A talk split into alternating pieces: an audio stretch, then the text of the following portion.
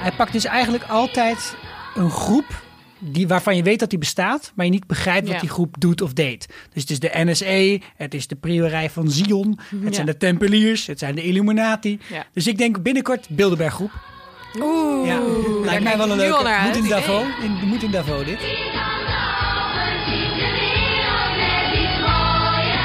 En ik voorspel alvast, Beatrix gaat hier een grote rol in spelen.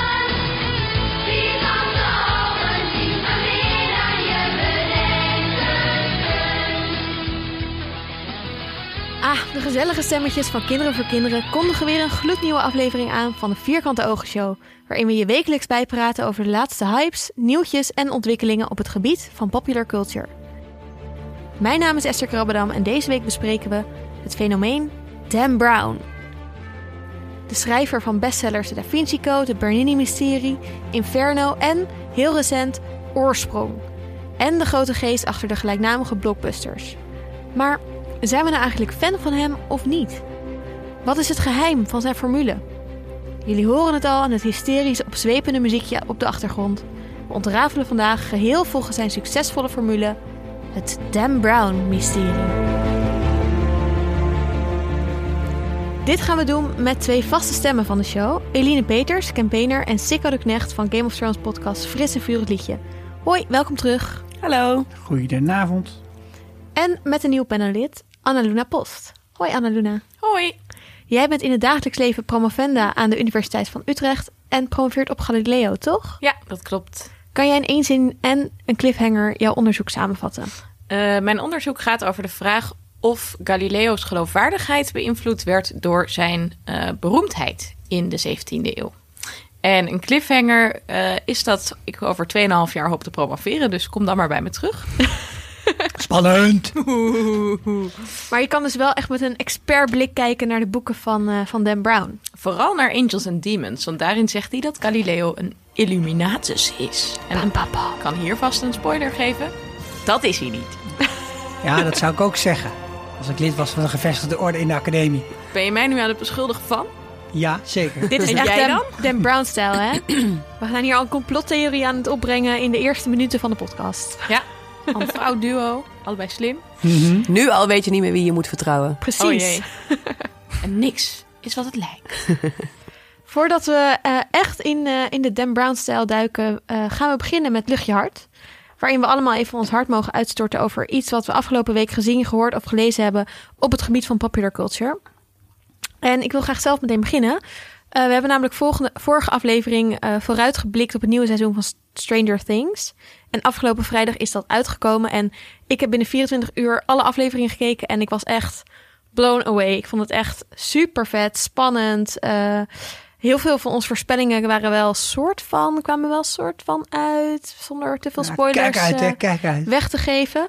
Eh Sikko, jij hebt meege- meegepraat vorige week. Wat vond jij ervan? Heb je al gekeken? Nou, ik ben tot de aflevering 7 gekomen. Tot en met aflevering 7. Er zijn er 9 dit seizoen. Ik vond het wat langzaam op gang komen, als ik heel eerlijk ben. En ik heb eh, mijn twijfels of ik blij zal zijn met het einde. Oeh. Ja, Nou, er moeten ook nog twee seizoenen komen, geloof ik. Dus eh, serieus? ja, volgens mij hebben ze vier seizoenen in eh, Man, man, man. de planning. We gaan het zien. Ik, ehm, dat is wel mijn, mijn luchtje hart en mijn tip ook voor iedereen. Gaat kijken. En anders kan je ook eerst onze podcast luisteren die we er vorige week En dat over moet je gemaakt sowieso hebben. doen. Dat moet je eerst doen. Eh, en dan gaan kijken. Annaluna, waar wil jij hard over luchten? Ehm, nou, ik wilde eigenlijk mijn hart luchten over The Good Place. Want twee weken geleden heb ik jullie Crazy Ex-Girlfriend aflevering geluisterd. En toen was ik helemaal hooked aan The Good Place. En heb ik alles in één keer gekeken. Maar eh, ik ben er echt net achter gekomen dat de klassica Mary Beard een nieuw boek uitbrengt. En dat heet Women in Power. En het gaat over vrouwen aan de macht eh, vanaf de oudheid tot nu. En daar ben ik echt super hyped over. Het komt op 8 november uit. En het is de enige notificatie in mijn telefoon op dit moment. Ik moet op 8 november naar de boekwinkel om dat boek te gaan kopen. Ik wil het ook. Snap ik. Eline, waar eh, wil jij je hart over luchten? Nou, ehm, de wintertijd is nu wel echt aangebroken. Het is eh, ook best wel koud en donker. Ehm, en dat vind ik heel leuk, want het betekent dat het spelletjes, boeken en serietijd is. Ja. Ehm, ik, eh, ik, ik ben een- misschien een beetje late to the game, maar ik heb de laatste tijd helemaal coöperatieve spellen ontdekt. waarbij je met z'n allen samen ehm, eh, een bepaald doel nastreeft in je spel. En vorige week speelde ik een super vet eh, zombie-spel, Dead of Winter. ehm, waar na een, na een eh, algehele apocalypse eh, alleen nog maar een handjevol mensen eh, hebben overleefd. En die moeten tussen honderden zombies en ja, mensetende zombies moeten die zien te overleven met elkaar. Ehm, en het was echt een super vet spel. En het was voor mij een soort inluiding van een hele goede spelletjeswinter die eraan gaat zitten te komen. In het kader van spelletjes, je had toch ook een, een boze mail gehad over de vorige aflevering? Nou, ik kreeg wel inderdaad een, een rectificatie op, mijn, op mijn kop. Want ehm, we hadden het de vorige keer nog even over Dungeons and Dragons. En dat we dat leuke bordspel graag wilden spelen. Toen werd mij toch eventjes verteld dat eh, Dungeons and Dragons geen bordspel is. Maar van origine eh, een uitgebreide boekenserie. Waarbij je eh, aan de hand van de boeken eh, met elkaar wekenlang allerlei scenario's uitspeelt. Ehm, dus dat, dat moeten we nog even rectificeren. Naar aanleiding van de vorige aflevering. Ja, dus in Stranger Things hebben ze er zelf een soort bordspel van gemaakt. Maar officieel is het gewoon een boek waar je scenario's uit naspeelt. Officieel wel. Oké, officieel. ja. Officieel. Oké. Ja. Voor alle echte nerds, dat hebben we bij deze gerectificeerd. Sikko, lucht je hart. Luchtmaart. Ik eh, was dit weekend in het Moor Museum. En dan zeggen jullie, waar ligt dat? Wat? Ja.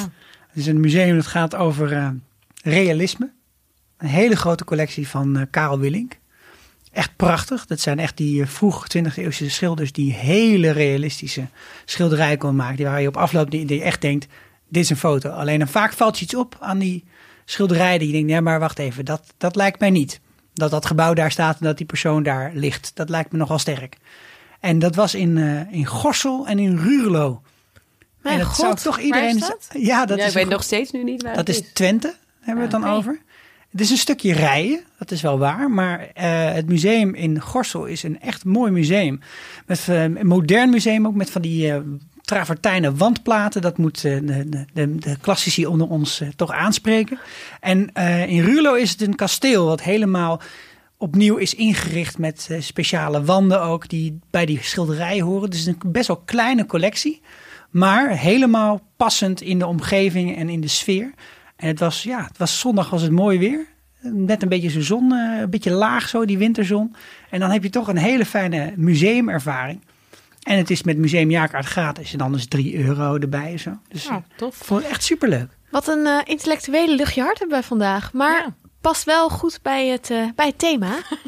Hè, Dan Brown. Eh, ik wil, Enorme intellectueel. Precies, zelf een enorme intellectueel. En, nou, toch een beetje de intellectuele James Bond is het wel. Eigenlijk wel. Maar is dat Dan Brown of is dat Robert Langdon, het Daar kunnen we hoofdpersonage het zo uit over hebben.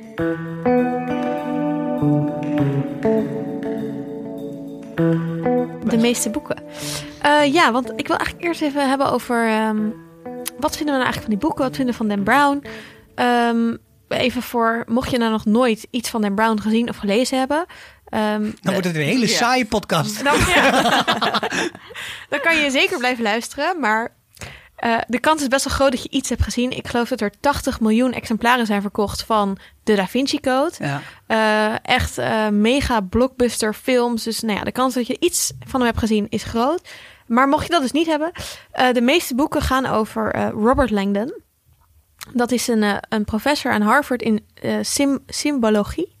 Zeg ik dat goed? Ja, het bestaat niet, het Het bestaat vakgebied. niet? Dus Nee, Ja. maar goed. zou je goed kunnen Ook al zeg je zeggen. het fout, maar toch niet uit. Precies, in die boeken bestaat het. Eh, en hij wordt elke keer ingeschakeld om een soort van mysterie op te lossen. We gaan het zo nog even hebben over wat eigenlijk, waar al die boeken eigenlijk over gaan. Dat is namelijk vaak hetzelfde.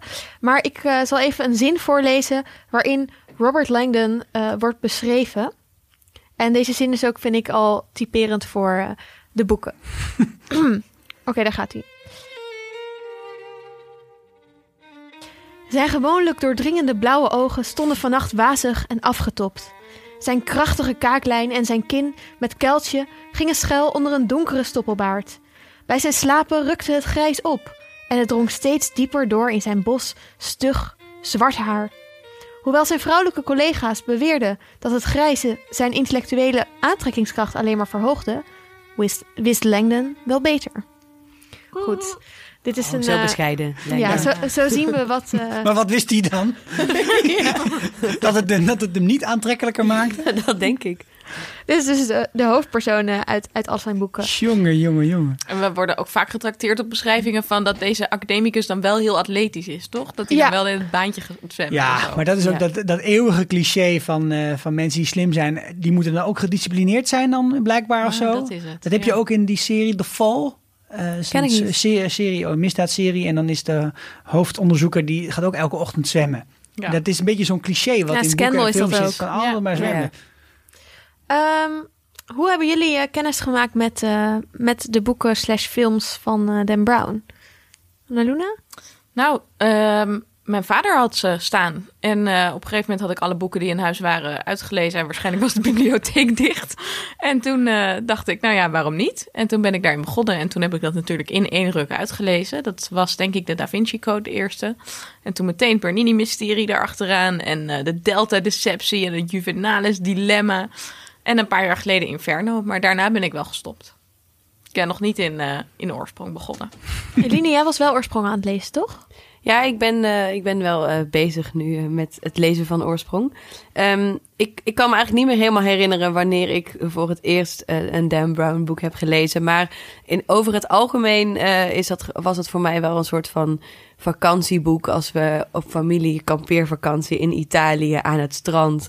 En dat je dacht, nu wil ik even een lekker makkelijk fijn boek lezen waar je in één ruk doorheen gaat. Dat, dat is wel wat Dan Brown voor mij was. Maar ik merkte ook met het lezen nu van eh, oorsprong dat het ook weer een beetje bij me oproept.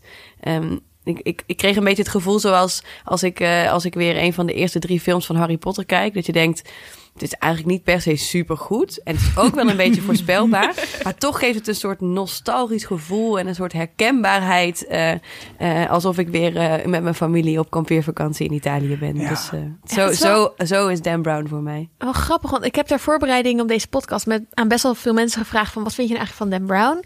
En er kwam echt een soort van het standaard antwoord was ja, het is eigenlijk niet echt goed, maar toch vind ik het heel fijn om te lezen en hou ik erg van zijn boeken. Maar ja, het is natuurlijk wel eigenlijk allemaal eh, zeg maar alsof niemand echt durft toe te geven Ja. dat ze het heel leuk vinden of goed vinden. Ja. Ja, ik al, eh, eh, Een beetje oh, een Big Mac. oh, wat wilde jij zeggen? Nou, ik had een keertje toen ik dus Inferno ging lezen. Ik herken wel wat je bedoelt. Dat je teruggaat naar zo'n gevoel van ontspannenheid van je vakantie en zo. En ik las dat toen eh, onderweg naar een congres. Waar ik natuurlijk best wel gespannen voor was. Dus ik dacht, ik ga lekker Dan Brown lezen. Want dat is ontspannend. En dan doe ik nog even iets anders voordat het congres begon. Maar toen bleek ik in de trein te zitten met de professor die de keynote-lezing ging verzorgen ehm, op het congres. en toen was ik wel heel blij dat ik het boek las op mijn e-reader en niet gewoon zo open en bloot had liggen. Want het was ook een congres over de renaissance. En dan is het toch wel een klein beetje treurig dat je daar zit met je boek over eh 14e eeuws Florence en echt totaal vernacheld is. Dus ik, ja, het is echt een guilty pleasure eigenlijk. Ja, dus je durft niet eigenlijk in de academische wereld ervoor uit te komen dat je Dan Brown boeken leest. Nee, er staat ook wel heel lang een, een advertentie bij ons op intranet eh, bij de Universiteit Utrecht van iemand die dan Dan Brown boek voor 5 euro aanbiedt, maar daar wordt nooit op gereageerd. heel mooi. Anna Luna zit hier vanavond ook onder een codenaam, geheel in, Eigenlijk eh, wel. in stijl. Ja, ja Maar in, die, zeker. in die tijd had je ook de Harry Potter boeken die uitkwamen. En daar had je altijd nog zo'n volwassenenversie en een kinderversie van. Herinneren jullie dat nog? Je had ook boeken van Harry Potter met een andere cover. Andere- ja, de waren Engelse. volwassenen boeken. Ja. En dat, dat eigenlijk hadden ze voor Dan Brown ook moeten hebben. Maar dan gewoon Ja. eentje die helemaal zwart is. En daar niet, ook geen letters erop, weet je wel. Dat je misschien een bijbel aan het lezen bent. Ja. Ik had nog wel mijn eerste Dan Brown ervaring delen. Want nou, het is eigenlijk niet mijn eerste Dan Brown ervaring. Want ik had wel toen ik, ik was denk ik 15 of zo, kwamen die boeken uit. Meteen allemaal gelezen, ook via mijn moeder denk ik. Maar toen kreeg ik als allereerste Valentijns cadeautje ooit... Hmm. heb ik het Juvenalis dilemma gehad, ook van hem. Dat kwam toen uit en toen had een jongen die dan mij leuk vond... had eh, dat ingepakt in papier en had hij erop geschreven... een blokvormige roos voor Esther. Want op school kreeg je dan altijd rozen, dat is zo'n ding. Eh, en had hij in mijn kluisje gestopt, via een vriendin of zo. Dus toen deed ik mijn kluisje open en lag er een blokvormige roos. En dat was dan het boek van Dan Brown, Juvenalis Dilemma. Omdat ik zo van boeken hield en van lezen en van Dan Brown boeken. Het is nooit iets geworden met die jongen, maar het is wel een, eh, een hele romantische eerste Valentijns cadeau ooit. Mooie herinnering. Zeker. Medium romantisch boek, maar alle- Ja, dat was het niet echt. Ik kan me ook helemaal niks meer van het Juvenalis dilemma herinneren oh, me eigenlijk. wel. ging over codes en Ging zo, Ja. toch? codes? Ja. Maar niet over Ja. Robert Met de Langdon. NSE, toch? Ik vind het leuk dat, No dat, dat hier vakantie agency. een paar keer opkomt. Want voor mij is dit ook echt een vakantieboek. En ik herinner me dan zo twee vakanties. Eentje in een verschrikkelijk vakantiepark in, eh, in Zuid-Spanje. Waar ik dan het Juvenalis dilemma heb zitten lezen. En ook toevallig de ontdekking van de hemel. Waarvan Oeh. ik even op wil merken dat het einde van het einde. Dus het vierde boek van eh, die reeks. Of eigenlijk het ingebonden boek. Is eigenlijk gewoon de Da Vinci Code. Hè? Dan, gaat ook, eh, dan gaan ze ook op zoek naar een paar stenen tafelen. En dit, als je het Alle leest, letteren. Ja, het is echt hetzelfde. Ja. Maar ehm, ik herinner me nog een andere vakantie. En dat was natuurlijk ja, in Rome. Dat ik met mijn vader als twee van die ja, padvinders door, dat, door die stad heen aan het jakkeren Ja. was. Ik ja, inderdaad, hij wijst echt daarheen. Maar je kunt echt van die tours volgen. Hè? Je hebt Ja. Angels and Demons tours in Rome. Ik ken iemand die die geeft. En die, die lopen nog steeds vol. Samen Oh. met de Borgia Tour. En hetzelfde geldt ook overigens in Parijs. Daar ga je dan toch ook wel op elk plein en in elk Ja. kerkje. En nu zijn er ook kerkjes Ja. die echt aangeven... dit is die kerk die in Den Ja. Brown En nou op sodemieteren. ja. Wat voor genre is het eigenlijk, die boeken? Het is in banale vorm natuurlijk gewoon een avonturenboek. Of een soort Een thriller. Ja, maar het is ook wel een soort detective bijna, vind ik. Ja. Ja. Maar dan is de detective, geen... Nou ja, het begint natuurlijk wel heel vaak met een moord die moet worden opgelost. Dus in die zin Ja. is het ook echt wel een detective ehm, volgens wat meer standaard genre. Maar dan zijn de hints net iets intellectueler. Maar het zijn volgens mij niet allemaal... De laatste boeken van Dan Brown laat hij dat moordgegeven ook een beetje los. Want bijvoorbeeld in In- Inferno gaat het niet om het oplossen van een moord... maar om een enorme ontdekking die de hele wereld zal gaan overnemen. Pandemie. Dat is waar. Het, wordt, het dilemma of het mysterie wordt steeds groter. Het begint Ja. met dan, ja, inderdaad nog wel dat, dat een Jezus een kind lijkt te hebben. Maar op een gegeven moment gaat het dan inderdaad naar, een, eh, naar antimaterie. En dan een bom op Rome. En dan daarna naar dat de hele wereld eh, ineens onvruchtbaar wordt en Ja. zo. Dus het wordt inderdaad wel van, van kleinere problemen gaat het steeds abstracter. Ja, die goede oude tijd. Het Juvenalis dilemma. Gewoon een code die niet helemaal Ja. lekker loopt. Hè? Ja. Ach. Ik bedoel, daar zijn we toch al lang voorbij. Ook in, dat Zie. is allemaal al gebeurd. Ja. Er zat wel een moord in trouwens. Dat weet ja, zie je? Ja. daar maar zit dat zijn de oudere boeken. Ja, maar er zit ook wel weer in... In oorsprong zit ook weer een moord. Maar eh, het, het gaat er niet meer alleen maar over om die ene moord op te lossen. Daar begint ook het boek niet meer mee. Dat is wel een eh, verschil. Oh ja. Ja. Mag ik trouwens even zeggen dat ik ben oorsprong nu aan het lezen. Ik ben nu, ik doe het als een luisterboek. Ik ben al 2,5 uur aan het luisteren. En 2,5 uur lang zijn ze aan het herhalen. Er komt een, iemand heeft een soort van ontdekking. En die is echt wereldschokkend en groot. En ik ben al 2,5 uur aan het luisteren. En ik weet nog steeds niks over die ontdekking. Nee, dat, du- dat duurt Ja. ook nog wel even. Oh wat wat ik wel echt mooi vind is dat jij zegt dat je het boek aan het lezen bent terwijl je het aan het luisteren bent. Ja, ik ben, ja, maar zo zie ik het ook. Luisterboek luisteren is voor mij wel echt... Dat zie ik soort van als lezen. Het terwijl is heel het is luisteren. renaissancistisch, gooi ik er even in als historica. Ja? Maar vroeger eh, konden natuurlijk heel veel mensen niet lezen. Dus dan werden boeken voorgelezen. En dan was lezen veel meer ook een groepsactiviteit. We zijn weer terug bij de orale traditie. ja, precies. Bovendien komt in oorsprong zelf, gaat het ook heel erg over dat je dingen op je hoofd zet en Ja. dat het allemaal interactief wordt AI. voorgelezen. En Ja, hij is wel bij de tijd hoor, Dan Brown. Ik bedoel, dat nieuwste boek gaat dus over AI en een soort van eh, Elon Musk-achtig type. Ja, want kunnen jullie even vertellen wat, wat het plot is in hele grote lijnen? Of hoe het begint? Nou, Oorsprong, een nieuw boek. Ja, het begint dus, eh, maar dat duurt dus heel lang, met dat er een wereldschokkende eh, ontdekking is gedaan door een wetenschapper die de religies op hun grondvesten zal doen schudden. Eh, Ja. Ik heb nog wel een mooi passage die een beetje laat zien waar eh, oorsprong over gaat. Ehm, ik zal hem even voorlezen. Wat u nu gaat zien, zei Kiers, en Kiers is dus eh, de wetenschapper, is een ruwe versie van een mededeling die ik aan de wereld hoop te doen over een maand of zo. Maar voordat ik dat doe, wil ik het advies inwinnen van enkele van de invloedrijkste religieuze denkers van de wereld. Om inzicht te krijgen in hoe dit nieuws zal worden ontvangen door degenen die, het, het- die er het meest door worden geraakt. De bisschop slaakte een diepe zucht die eerder verveeld dan bezorgd klonk. Een intrigerende inleiding, meneer Kiers. U spreekt alsof wat u ons zult laten zien de wereldreligies op hun grondvesten zal doen schudden. Kiers keek naar de oude ruimte vol heilige teksten. Ik zal ze niet op hun grondvesten laten schudden. Ik zal ze verwoesten. Zo, kom binnen hoor. Oké. Cliffhangertje. Nou, dat is eigenlijk al ongeveer nu, denk ik, tien hoofdstukken lang. Eh, waar, het porté. gaat. Maar ik weet nog steeds ook niet inderdaad eh, Wat de ontdekking dan wat is. de ontdekking oh mijn dan god. is. En eh, Langdon is een vriend van hem en die komt naar de onthulling van dat eh, Hmm. dingen. Ah, Oh, en er zit heel veel moderne kunst in. Want het, is, het begin speelt zich af in het museum, het Guggenheim. Guggenheim van in Bilbao. Oké. Ehm, dat vind ik wel leuk, want natuurlijk, ik associeer Dan Brown boek heel erg bij klassieke eh, eh, dingen, geschiedenis, renaissance, dat soort dingen. En het is wel verhelderend op zich om een nieuw boek van hem, eh Langdon's visie op Richard Serra en eh, dat soort eh, kunst eh, te horen. Maar dan gaat hij eigenlijk wel weer terug naar zijn eerdere boeken. hè, Deception Point Ja. en Digital Fortress. Dat waren boeken die ook wel heel erg gingen over digitale dingen die toen heel spannend waren natuurlijk. Hè. 1998 of zo heb je dan over. Het is echt lang geleden, die boeken. Wauw. Nou, die heb ik niet gelezen. En wat ik ook wel leuk vind aan, aan hij pakt dus eigenlijk altijd een groep die, waarvan je weet dat die bestaat, maar je niet begrijpt wat Ja. die groep doet of deed. Dus het is de NSA, het is de priorij van Zion, het Ja. zijn de Tempeliers, het zijn de Illuminati. Ja. Dus ik denk binnenkort Bilderberggroep. Oeh. Ja, lijkt mij wel een leuke. naar Moet in, Davos, in, moet in Davos dit. En ik voorspel alvast, Beatrix gaat hier een grote rol in spelen. Oké. Ja. Of hij gaat het samen met Maxima oplossen. Ja, Ik, eh, en dan dus mag je ik, die eh, Max noemen. een mooie overgang naar wat vinden wij nou de, de Dan Brown formule? Want wat ik ook van een paar mensen heb gehoord is... Ja, leuk die boeken, maar ze zijn allemaal hetzelfde. Wat zit er in elk Dan Brown boek? Ja, er komt wel inderdaad, in elk boek komen er wel veel dingen terug.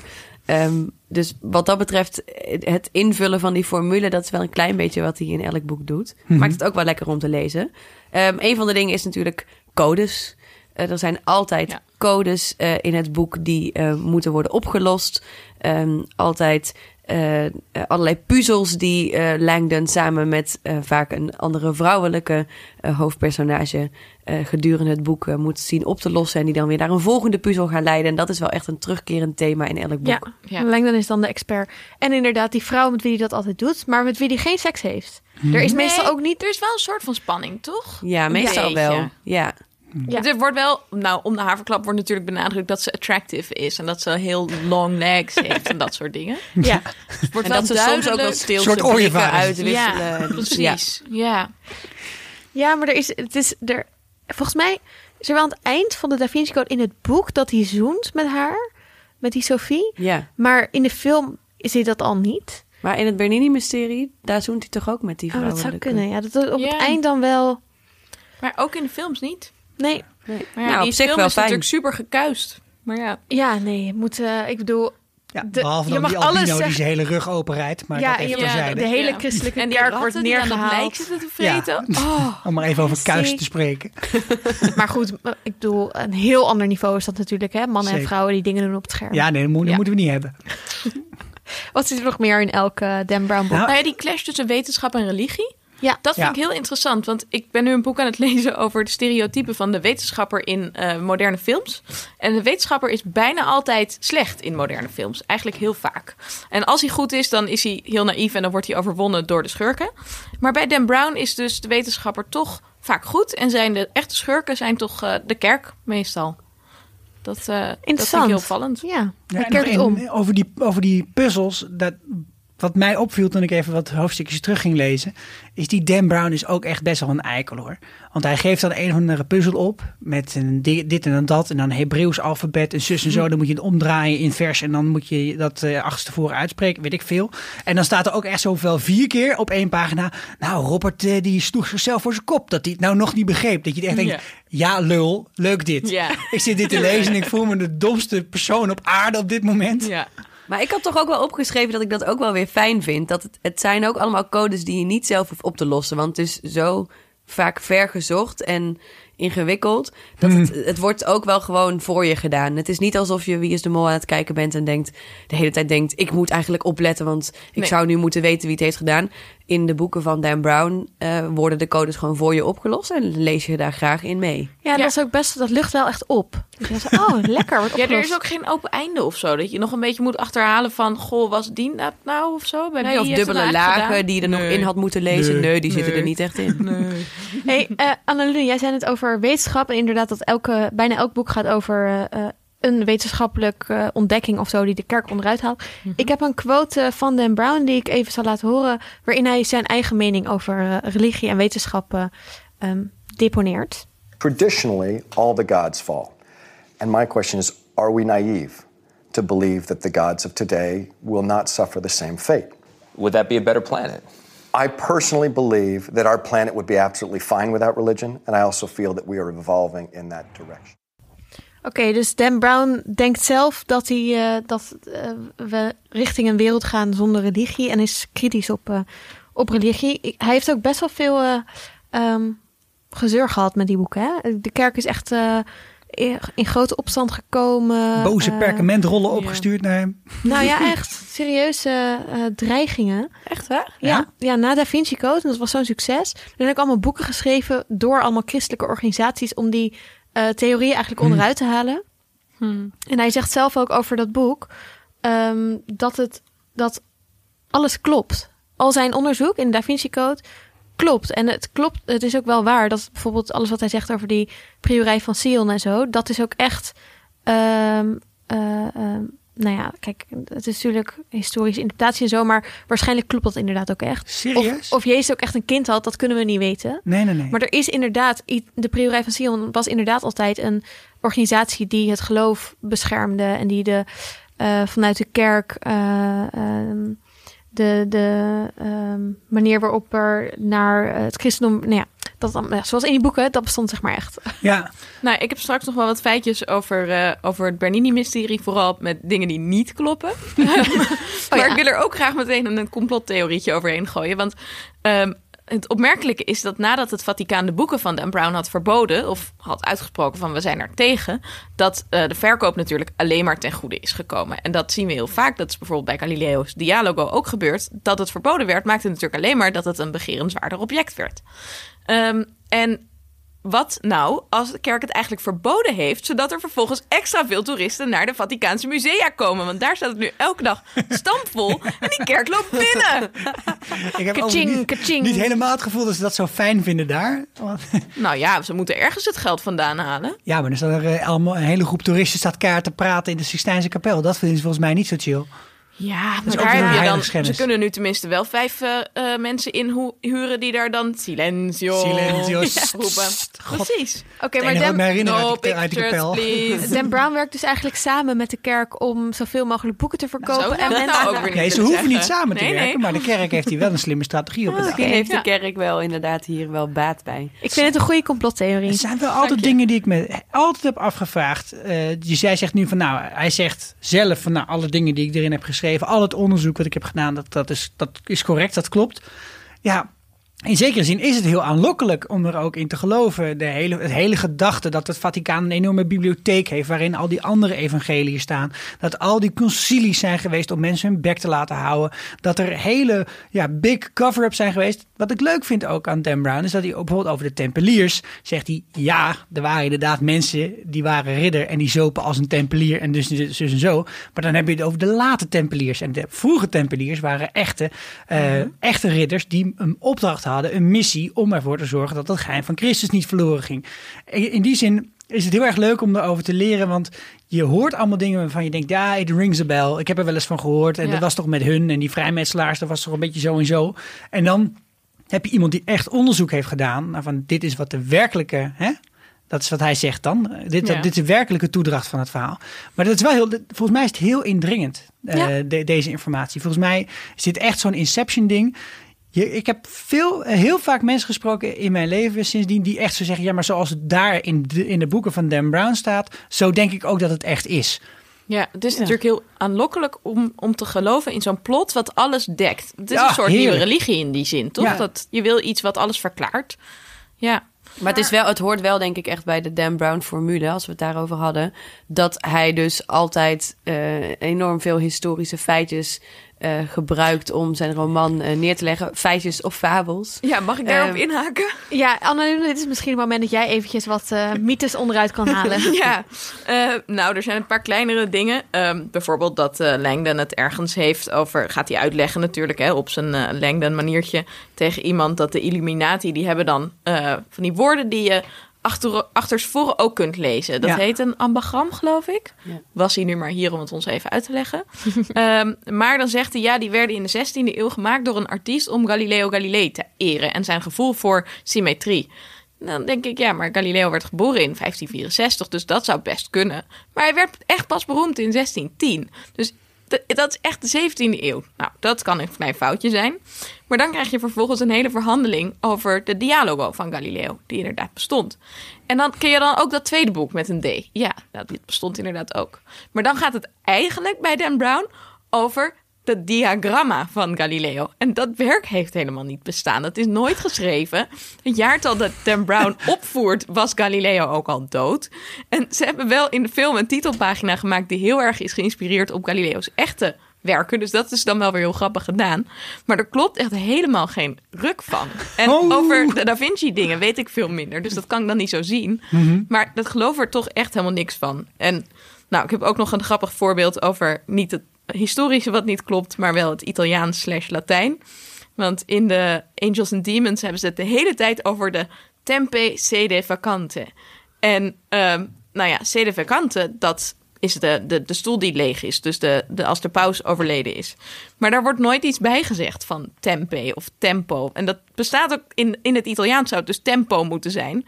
Tempe is niks, ook niet in het Latijn. Dus het- ze proberen dat dan te laten congrueren, maar dat bestaat gewoon helemaal niet. En dan krijg je dus een soort van Latijn-Italiaans met Indonesisch erbij of zo. Dat is heel gek.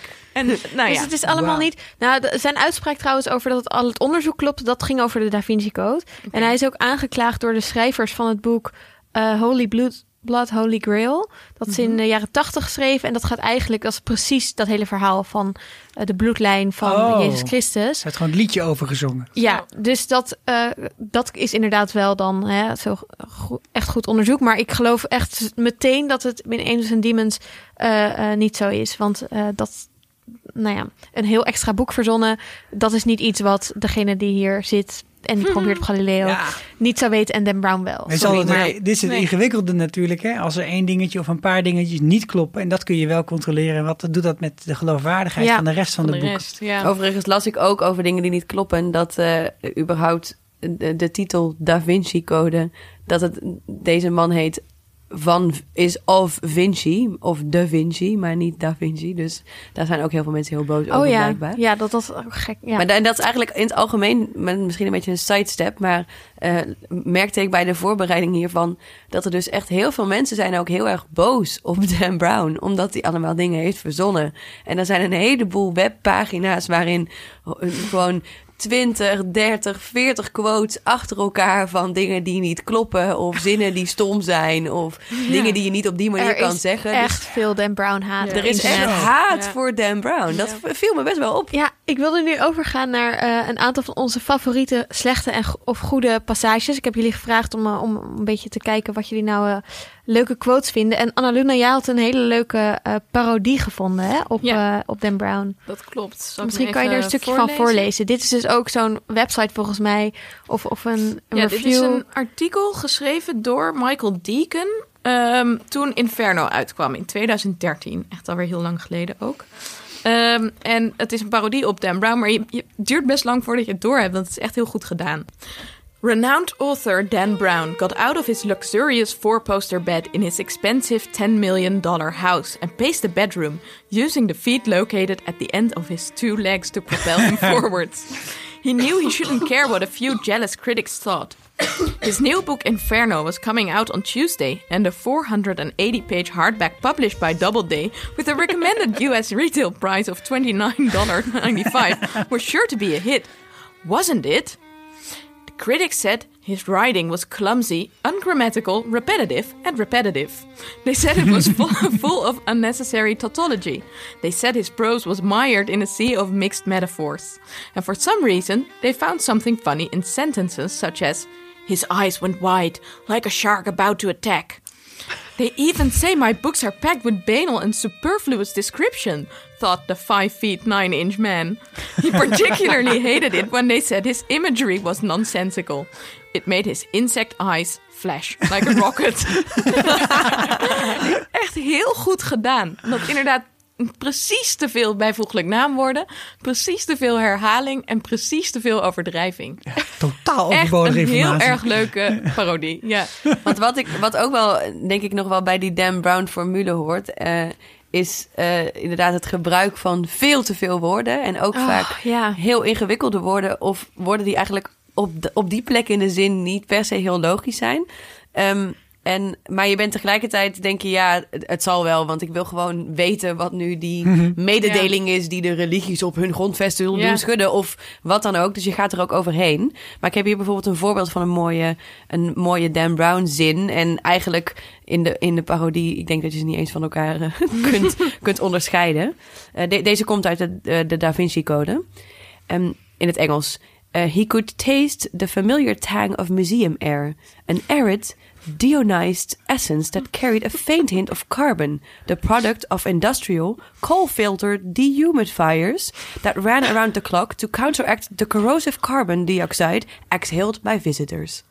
ja. Ja. Weten jullie wat we Oh nu ja, ik heb hebben keer met gehoord? iemand staan praten die bij een museum werkt. Nou, Het is gewoon opvulling. Ja, er zijn die boeken zo dik. Geen idee wat hij dan daar precies zegt. Maar dit, dit hoort ook wel bij die Dan Brown formule. Dat je dan Ja. denkt, Ja. Ik weet niet precies waar dit nu over gaat, maar het zal wel. Ja. Ik heb ook nog één zo, eh, zo'n eh, vergelijking, zoals ook in die, ehm, eh, dat stuk wat jij voorlas aan Luna voorkomt. Dit is uit de Da Vinci Code ook. Captain Bezoufash carried himself like an angry ox, with his wide shoulders thrown back and his chin tucked hard into his chest. His dark hair was slicked back with oil, accentuating an arrow-like widow's peak that divided his jutting brow and preceded him like the prow of a battleship. Wauw. deze man is een stier en een schip en een... eh, De gemixte metaforen komen goed naar voren. ja, hoi, Zo hoi. hilarisch. Het is eigenlijk een beetje, het, het doet me eigenlijk een beetje denken aan eh, bluff, maar dan geschreven. Van, die zin- van die zinnen dat als je ze nog een keer hoort, je denkt. Waar gaat dit precies over? Maar het klinkt wel een soort van intelligent en je kunt er blijkbaar liedjes mee schrijven. Hij schrijft gewoon ook in code. Dat is een analyse van de snijtafel. Die hebben wel eens over bluff gezegd. Het gaat altijd twee zinnen goed. en dan gaat het helemaal mis. Sikko, had jij een fragment eh, uitgekozen? Nou, ik ga hem niet letterlijk voorlezen. Maar voor mij, toen ik het, deze opdracht kreeg om een fra- fragment mee te nemen. Dan dacht ik van nou, wat is het meest ja, herinneringswaardige moment wat, wat in mij opkomt, het fragment. En dat is natuurlijk dat moment dat die Sophie uitlegt aan Robert dat eh, zij een keer haar opa een of ander seksritueel heeft zien doen. Dat hij haar dan haarfijn uit gaat leggen In dat Da hij het allermooiste eh, proces van de wereld heeft gezien. En dat het allemaal heel erg spiritueel en prachtig was wat daar aan de hand was. Ah, Robert Ik, Langdon ik, is ik zie alleen maar goed. gewoon een opa die seks heeft voor me. En dat is nog steeds niet echt een Echt prettig super beeld. ongemakkelijk. Ja. Ja. Robert Langdon is ook heel goed in mensen uitleggen wat ze voor zich zien, terwijl ze niet per se vragen om een uitleg. Nee, hij, Ja. het- hij is wel echt een, een bedweter. En inderdaad, bijvoorbeeld bij dit eh, fragment wat, eh wat Sikko beschrijft, dan zegt hij dus ook ehm, eh, tegen Sophie. ehm, Intercourse was the preferred union of the two halves of the human spirit, male and female, through which the male could find spiritual wholeness and communion with God. What you saw was not about sex, it was about spirituality. Ja. Terwijl zij zegt trauma gewoon, eh, ik heb een trauma en ik heb het gezien en ik vind het echt best wel rot en ik voel me hier helemaal niet chill over. En zegt Ja. hij, nee, dat mag je niet voelen, want het is namelijk spiritual wat je hebt gezien. Het is prachtig. Dus het is een- wel echt een bedweter. Als ik een oude opa zou zijn en ik mag met allemaal jonge vrouwen seks hebben. En dan zou ik ook zeggen, ja, is een ritueel. Ik Hoort heb, erbij. een, eh, ik heb een fragmentje uit de film eh, Angels and Demons, waarin eh, ehm, eh, Robert Langdon, Tom Hanks in de film, eh, aankomt lopen eh, op het Vaticaan. En hij, hij wordt begeleid door een aantal eh, politieagenten die ook op het- in het Vaticaan werken. Eh, en dan begint hij gewoon heel erg out of the blue over de, de beelden daar. Oh, yes. Pope Pius IX's great castration. I beg your pardon. 1857, Pope Pius IX felt the male form would inspire lust. So he took a hammer and chisel and unmanned hundreds of these statues. The plaster fig leaves were added later. Are you anti-Catholic, Professor Landon? No. I'm anti vandalism. Ja, Ehm, nou ja, typische eh bedweter eh, opmerking. Mag ik daar dan nog maar even overheen bed weteren? Dat was dus helemaal niet Pius de negende. Anna Luna, de Robert Langdon van deze podcast. Betterweter. Oh, dat vind ik een hele leuke. Maar Ehm, het, is, ik, ik, het is natuurlijk wel makkelijk om. eh, het is best wel makkelijk om Dan Brown eh, af te kraken. En de, de veel dingen die hij verkeerd doet. Eh, maar toch doet hij natuurlijk ook iets goed. Want we lezen met z'n allen die boeken. En ik lees ze eigenlijk ook met best wel veel plezier. Ehm, dus dat, vind ik, dat is toch wel wel grappig. Want blijkbaar vinden we het allemaal cliché. En blijkbaar vinden we het allemaal een formule. Eh, en eh, bovendien vinden we zijn zinnen eh, allemaal een beetje belachelijk. Eh, maar toch vinden we het allemaal stiekem ook wel leuk om te lezen. Dus ik ben wel benieuwd. Waarvoor, waarom denken jullie dat, dat het dan toch zo aanslaat? Nou, Ik heb, dat komt terug op wat ik eerder zei. Die boeken zijn heel toegankelijk om te lezen. Het zijn korte hoofdstukjes, het zijn eigenlijk heel veel korte zinnen ook. Het zijn boeken waar wel heel veel informatie in zit. En waar ook dus die toegankelijkheid zit hem erin. Dat veel mensen kennen wel een beetje het, het, algemene verhaal over, de, over de, de, de groepen waar hij over spreekt. Of over de, de gebeurtenissen waar hij over spreekt. En dan zegt hij, ja, maar er zit eigenlijk een verhaal achter. En dat, dat verhaal, dat biedt ineens heel veel diepgang. En daardoor denk je volgens mij als lezer ook van... ah, nu begin ik het te begrijpen. Je hebt het net over dat grote sausje van... nou, zo werkt de wereld. Ik zat vorige week in de kroeg eventjes te praten met iemand van... nou, ik ga, een podcast over Dan Brown opnemen. En er zat een man naast mij op een bank... en die had al een uur niks gezegd. En die zegt, heeft hij het nou over Dan Brown? En die man die begint te praten over het tabernakel gods... en over dit en over zus. En dat het echt, de, dat, dat de oorsprong, dat komt helemaal van binnen... en dat begreep je helemaal. En dan denk ik, ja... Misschien wel. Ja, misschien geeft dit die persoon ineens heel veel betekenis of, of, of, of, of een soort leidraad om de wereld om zich heen te begrijpen. En dan hoeft het niet eens waar te zijn. Het kan ook zijn dat je via zo'n zo'n verhaal toch ook wel een abstractere eh, waarheid voor jezelf of in het algemeen ontdekt. Hè, dan, dan heeft Annaluna helemaal gelijk dat het niet Pius de negende was, maar daar is Pipi de zevende weer interesseert mij het een hol. Maar voor die man is het wel van ja, maar dit heb ik altijd al wel gedacht dat er zo'n laag achter zou kunnen zitten. En Ja. met een aantal dingen is dat ook zo. En er is bijna niets fijner in het leven dan ontdekken dat je complottheorie klopt. ja, want Zeg ik in de week dat de JFK-files uitkwamen. Precies. Nee, maar ik, ik zat er ook over na te denken, inderdaad. En ook als antwoord op jouw vraag, Eline. Ik denk dat heel veel mensen, een van de fijnste dingen die, die wij mensen doen, is nadenken over hoe. Ik weet eigenlijk misschien wel hoe het echt zit. Terwijl, eh, oh, it's a cover-up, weet je wel. Dat is iets waar mensen ontzettend van houden. Roddelen over, over dingen die eigenlijk anders zijn dan ze misschien lijken. En ik zou zelfs misschien wel kunnen eh, beargumenteren dat eh, door al die boeken van Dan Brown mensen nog veel opener staan voor fake nieuws. Omdat hij een soort van Oh. fake nieuws een cultuur heeft gemaakt. Of iets cultureels. Het hele, ja, maar kijk, er wordt de- zelfs de kerk, het, het grote instituut waar iedereen, eh, hè, zeker in Amerika is, is religie nog heel groot, die liegt tegen je. Dus Ja. Zeg het, zelfs de kerk, juist de kerk. Juist de Ja, een keer. ik denk dat er ook nog een andere reden is. En dat is dat het heel bevredigend is om een heel dik boek heel snel uit te lezen. dat is echt iets heel simpels en banaals. Maar waar. ik kan me echt herinneren dat ik die boeken las op de bank in de vakantie, inderdaad, zo'n regenachtige dag. En dat je gewoon drie uur achter elkaar aan het lezen was, zonder dat het je enige moeite kost. Dat Ja. het gewoon heel simpel is. En wat je zegt, het komt allemaal goed aan het einde. Er gaan wel wat politieagenten dood. Oh. Maar verder is het wel, alle, alle puzzelstukjes vallen op hun plaats. En je hoeft daar verder niks voor te doen. Je hoeft niet zelf na te denken. Want je leest gewoon wat er staat. En alle dingetjes kun je er ook nog uitfilteren eigenlijk. Al die extra informatie. En daardoor gaat het heel snel. En kun je heel snel die bladzijden omslaan. En dat is heel bevredigend. Ja, Ja, dat is wel een goeie. En wat ik zelf ook nog wel, ik kwam net ook al eventjes langs, maar ik vind wel ook de super gedetailleerde beschrijving van locaties en, eh, en hoe zo'n stad eruit ziet en wat er in zo'n stad allemaal gebeurt, waarvan je eigenlijk geen weet hebt. Ik vind dat zelf ook gewoon heel tof om te lezen. En Ja. inderdaad, eh, daarna ga je naar Rome of Parijs en denk je toch bij elk plein, oh ja, daar staat een pijl die die kant op wijst en daar staat een kerkklok die als hij op deze wijze staat, dan komt er die verborgen boodschap uit naar voren. Maar de, tegelijkertijd weet hij wel op een heel mooie manier, vind ik ook wel, die, die steden te beschrijven. En eh, ik, ik hou heel erg van steden en zeker van, van een stad als Rome. Ehm, dus ik vind eh, die liefde die hij ook heeft voor zo'n stad en alles wat daarbij komt kijken en alle, alle oudheid die daarin zit. Ehm, dat vind ik zelf ook heel Dat weet hij wel echt tof. over te En- brengen, ja. dat weet Ja. hij over te brengen. En dat is heel tof om te lezen, vind ik. Zeker. Ehm, nog heel even kort, wat vinden we, we hebben het nu de hele tijd over de boeken, wat vinden we van de films? Ja. Van Tom Hanks als Robert Langdon en... Dat, dat, dit idee komt ook heel erg terug in de film. Ik denk dat dat voor, voor Dan Brown ook bijna een soort van orgasme is geweest, visueel, toen dat hele verhaal over die Da Vinci-schilderijen.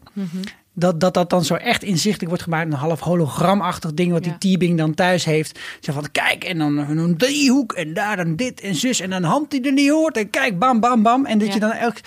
Dat is ook een bepaalde manier waarop je ook voor het bredere publiek het gaan naar een museum ook weer een nieuwe dimensie geeft. Dus niet alleen in die stad met die vingers naar de pijlen, maar ook gewoon zo'n kunstwerk. Van hoe moet je daar nou naar kijken? Waarom staat de horizon daar? Waarom is deze persoon zo gepositioneerd? Daar zit een gedachte achter, een reden. En als er iets is wat je met schilderijen kunt doen, is het symbolen in schilderijen ontdekken. Weet je wel? En als je niet echt heel erg bijbels opgevoed, bijvoorbeeld, eh, bij, misschien niet, oké, niet met de Bijbel bent opgevoed, maar dan heb je bijvoorbeeld als je naar Samson in Delilah staat te kijken van Rubens, dan denk je, Wat waar is gaat dit verhaal? over? Ja. Terwijl de volgende keer dat je een gast met een kale haarsjes en een vrouw met een schaar ziet, denk je, oh, dat, is Dat die. is dat. En de keer daarna snap je dat de gasten de achter Filistijnen zijn en het gaat zo verder. En dat heeft het ook. Het is ook een soort gateway drug geweest. Ja, ik had het gisteren toevallig met mijn vader, die mij dus aan die Dan Brown novels heeft geholpen eh, hierover en over deze podcast. En toen zei hij, ja, die film De Da Vinci Code, daar zit dan die scène in, helemaal aan het begin, dat hij die lezing aan het geven is. Dan heeft hij zo'n PowerPoint met al die symbolen, en met ISIS en met, nou ja, et cetera. En die zou ik echt wel willen hebben. Toen dacht ik, ja, dit is zo herkenbaar. Dat mijn vader die die film al, nou wat is het? Die film kwam uit in 2006. Dus al tien jaar niet gezien heeft. Zich heeft herinnerd dat je daar die, ehm, die PowerPoint hebt met die symbolen die heel mooi in elkaar overvloeien. Ja. Dat is fantastisch gedaan. Heel goed. Ja. Wel gestolen van Jurassic Park. Nog een En, aanklacht. en wat op, eh, vinden we van, eh, Brown's, eh, van Tom Hanks als, eh, als Robert Langdon, Eline? Ja, ik ben, ik, ik weet niet. Ik, ha- ik vind het eh, hem iets bepalend of zo. Ehm, maar dat is misschien ook gewoon mijn eigen eh, probleem met dat als je eenmaal zo'n gezicht voor je ziet, dat je dan zo'n volgende boek gaat lezen, zie ik alleen maar de hele tijd Tom Hanks voor me. Ehm, maar ik vind ook, Tom Hanks heeft ook iets. Ik vind hem net te weinig dat intellectuele eh, uitstralen. En ik vind hem ook een beetje suffig of zo. Terwijl in de boeken Nou, dat is... doet hij dus eigenlijk best goed. Nou, maar ja, in de boeken is Robert Langdon natuurlijk wel zo'n super intellectuele professor. En dan ook nog een die best wel knap is. Ik weet niet. Ik vind Tom Ja. Hanks een beetje een meh cast. Met die ijzige blauwe ogen. Had je liever Jude Law of zo erin eh Nou, dat, dan? ja, dat weet ik. Ik weet ook niet wie het dan wel had moeten zijn. Want dat is ook wel ingewikkeld. Maar ik vind. Nee, ik weet niet. Tom Hanks was voor mij een te bepalend eh, persoon voor, eh, voor Robert Langdon. Ja, voor mij interesseerde die hele Robert Langdon mij nooit. Dus ook dat, dat het dan Tom Hanks was. Nou ja, prima. Weet Ja. Je, ja. ja, het zal wel. Ja. Ook waar, ja. Ik had wel hetzelfde. Maar ik vond het vooral heel opvallend als je die beschrijvingen leest van hem. Dat dat het toch een beetje lijkt alsof Dan Brown zichzelf erin aan het schrijven is. En dat hij toch Ja. zichzelf een beetje sexy probeert te maken. Ja, en, ook, In de Dat ogen denk ik Maar wel heel bescheiden. en ook een stoerdere alma mater wil geven. Want hij is natuurlijk helemaal niet naar Harvard Nee, dat geweest. ook Hij is naar Ja. een of andere Ja. State eh, University Ja, geweest. Essex of zo? Ja, Ja. want een, we kunnen nu nog even door naar een rondje eh, roddels en, eh, en conspiracy theories over Dan Brown en zo. Want wat ik heel grappig vond, ook dat hij, ik denk inderdaad ook dat hij een soort van zichzelf eigenlijk ziet als een soort Robert Langdon, maar niet helemaal die looks heeft. Ja. Of, Ehm, maar het grappige vind ik dat hij is dus heel rijk geworden door die boeken. En het zat ook geloof ik in het stukje dat jij net hebt voorgelezen, Anneluna. Hij Ja. woont inderdaad in een superduur 10 miljoen 10 of weet ik million wat dollar eh, huis. En dat huis heeft allemaal geheime passages. Uiteraard. Uiteraard, ja, allemaal vet. gangen. En hij heeft dan allemaal een, een eh, boekenkast. En dan moet je daar tegenaan duwen. En dan zit er een tunnel achter. En dan kom je in een tuin. Echt super cool. Ja, Zijn werkkamer. Hij schijnt ook heel veel geld uit te hebben gegeven aan donkere materie. In- als je een bepaald schilderij, daar moet je dan opdrukken. En dan kom je in zijn werkkamer. En ik heb ook een fragmentje waarin hij ehm, iets, eh, eh, iemand rondleidt, een interviewer, door zijn huis. Een soort En dan komen zij een bepaalde kamer binnen. En nou, dus dat ga ik even laten horen. So, this room here is uh, something I call the Fortress of Gratitude. Dan Brown's library is filled to the rafters with hundreds of editions of his best selling thrillers. Every book in this room is a Dan Brown volume. Uh, it is. It, it is. It's kind of crazy. Oké, dit is dus een... Ja, jullie kunnen het niet zien, want ik heb alleen natuurlijk de audio, want het- dit is een podcast. Maar het is wel waard om even The Evolution of Dan Brown ehm, te, eh, in YouTube in te typen. Want het is dus een soort van kapel bijna, met drie verdiepingen hoog, vol met boekenkasten, met alleen zijn eigen boeken erin. Wauw. Jongen, jongen, jongen. Super dat is echt hilarisch. Maar het is wel een geheime kamer ook nog. Nou, in die kamer zit Nou, dus een meer. boekenkast waar Ja. hij tegenaan kan duwen. En dan komt er een gang achter eh, vandaan. Wauw. Maar ik denk wel, Annalena, dat je gelijk hebt dat, dat Dan Brown Robert Langdon echt in zijn evenbeeld heeft gecreëerd. Want als je, ik, ik volg Dan Brown ook op Facebook. Oh, ik weet niet of ik dit had moeten zeggen. Ehm, maar eh, dan, dan hij, wat dus ook één in de van de drie posts van de dingen die hij post is ook een foto van een stad of een kerk of een museum of een, iets van een uitzicht. En dan zet hij daarboven Where in the world? Vraagteken. Oh ja. Dus hij doet ook zelf gewoon vanuit zijn eigen persoon. Want de andere posts gaan alleen maar over feitjes van musea en over dingen over religies. Dus het, het zijn echt ook, ik weet niet, hij is ook, hij is Robert Langdon eigenlijk gewoon Hij op is Facebook. Dus ook best een wel beetje grappig. dat, dat gedisciplineerde toch? Dat hij elke dag nog steeds dan opstaat, heel vroeg. En dan niet Ja, om te gaan uur. zwemmen, maar om te gaan schrijven. Dus hij is echt wel een beetje zo dat, dat stereotype ook. Ja. Grappig. Ja. Ik heb nog allemaal leuke feitjes. Gooi er vooral ook feitjes in als jullie die hebben hoor. Maar ehm, wisten jullie wat eh, eh, Robert Langdon... Of nee, eh, sorry. Wow, nu ga ik ze ook door elkaar houden. Dan Brown. ehm, zijn eerste echte passie was en wat hij deed voordat hij schrijver was? Nee. Nee. Oké. Hij was ehm, popzanger. en pianist. En heeft meerdere albums gemaakt. Waaronder eentje dat Angels and Demons heette. Nee. Nee, echt waar? Heb je het geluisterd? Nee, ik kon het niet vinden. Het is een conspiracy. Ja, kijk daar. Only one copy left. It must be in the Vatican Archives. Nou, oh my ik denk in die boekenkast van hem. Ja, misschien Ja, heeft hij een hele kunnen. kamer waar die, al die exemplaren die heeft hij dan opgekocht, zodat niemand het ooit meer Zo hier. kan luisteren. Dat je ze dan, als je ze in het water gooit, dat ze dan oplossen. Zoals met dat papier waar zogenaamd dat boek van Galileo van was. Oké. Ik heb ook een, eh, oh, sorry. Sorry. Eh, ik heb ook een fun fact. Dat is toen eh, Inferno uitkwam, eh, werden er 36 vertalers of meer eh, aan het werk gezet in een ondergrondse bunker zonder internet eh, en zonder verbinding met de buitenwereld om dat boek zo snel mogelijk te vertalen en te zorgen dat het dus niet kon uitlekken voordat het vertaald werd naar alle talen behalve Engels. Dus dat gevoel voor drama wat in zijn boeken voorkomt, dat heeft hij dus ook zeker. duidelijk Overal. zelf. ja. Ik heb nog een fun fact check. En die is voor Annaluna. Dan moet ze maar eens even nagaan of het klopt. Maar er is iets dat Harry Potter en Dan Brown met elkaar verbindt. Vertel. Specifiek de Da Vinci Code. Schijnbaar 80 miljoen is Nicolas. Flamel Ja.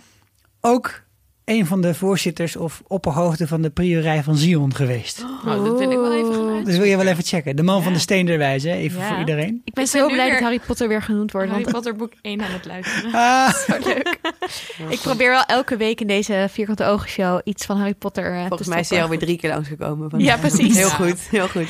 Heel fijn. Een ander, een ander leuk feitje wat ik las is dat eh, helemaal in het begin van eh, zijn carrière heeft hij ook onder een pseudoniem zijn, een boek gepubliceerd, namelijk Danielle Brown.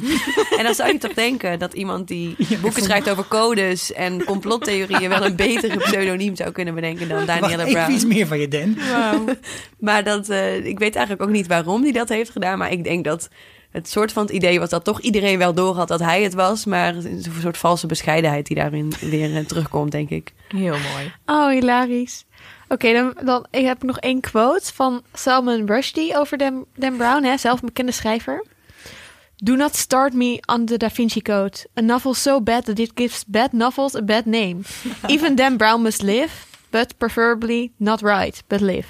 Dat vind ik echt best wel een goede dis. Dat is echt wel hard het is. En. Stephen King heeft een keer gezegd dat Dan Brown's boeken de eh, mac and cheese van intellectuality is of zo.